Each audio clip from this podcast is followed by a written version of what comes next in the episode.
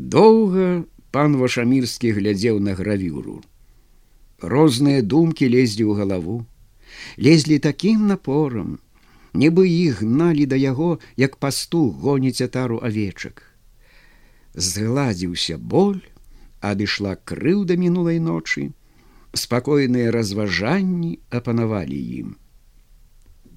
Няма лепшага хараства над хараством прыроды. Няма болей пэўнага мастацтва над мастацтвам, якое раскідана ў прыродзе. Чалавек павінен гэта ўразумець. І чаму я толькі доўгі час быў сляпым? Прырода бязвінна, Яна чыстая і ніколі не здрадзіць як чалавек. Пан вашамірскі падняўся з канапы.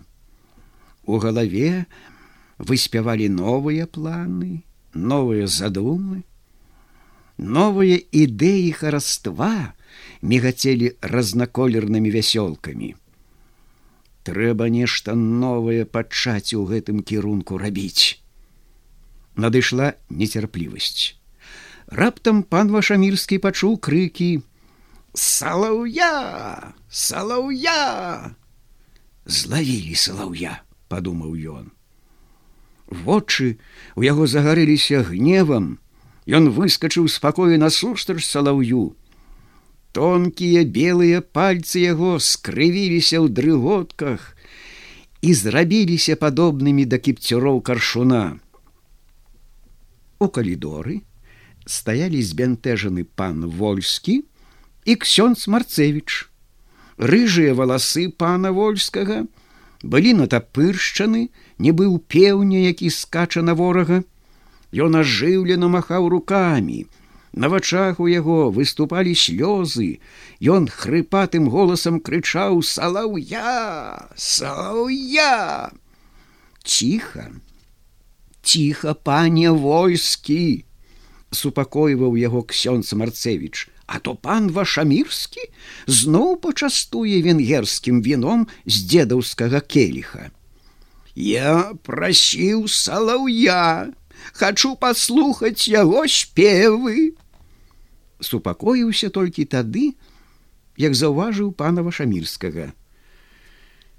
О д'ябал, А я думаў, заскрыгадаў зубамі пан вашамірскі але абавязак гасціннасці да чалавека, якога ён запрасіў у госці, ды які яшчэ не ўцёк ад яго, як усе іншыя госці, прымусіў пана быць далікатным.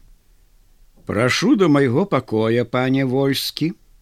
Гасцінна попрасіў пан вашамірскі і ўзяў шляхціца под руку з такой ласкавасцю і асцярожнасцю, нібы пан вольскі быў шкляны ціхім нячутным крокам ксёнц шмыгнуў у малельню да пані вашамірскай.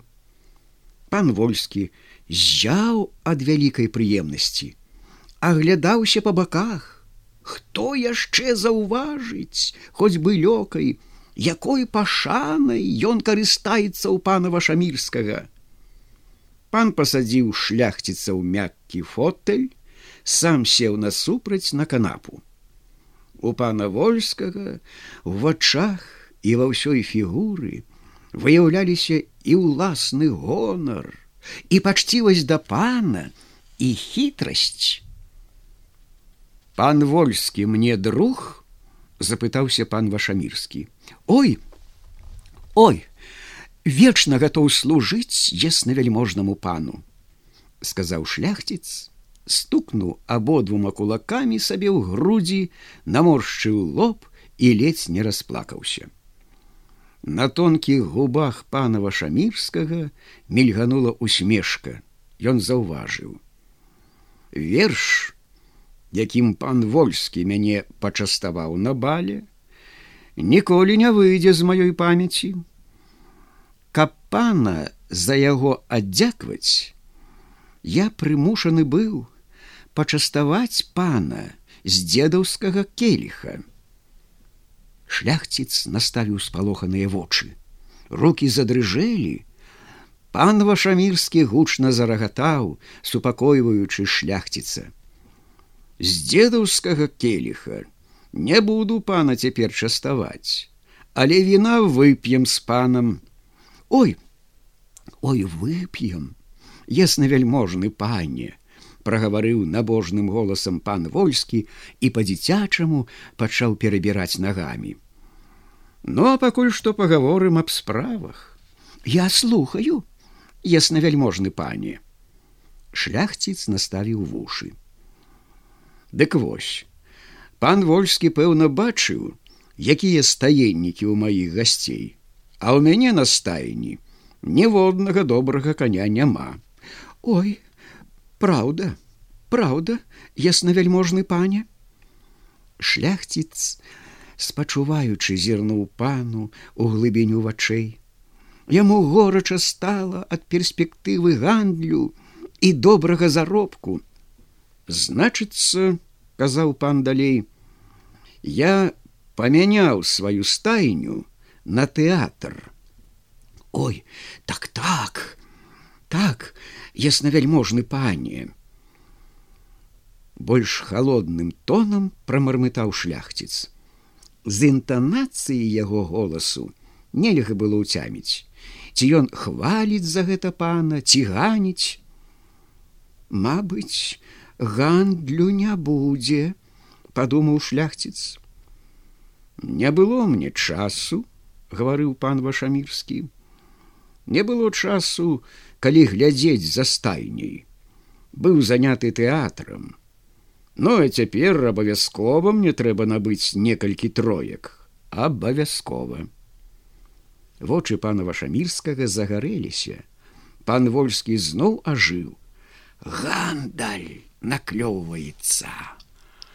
Дык можа,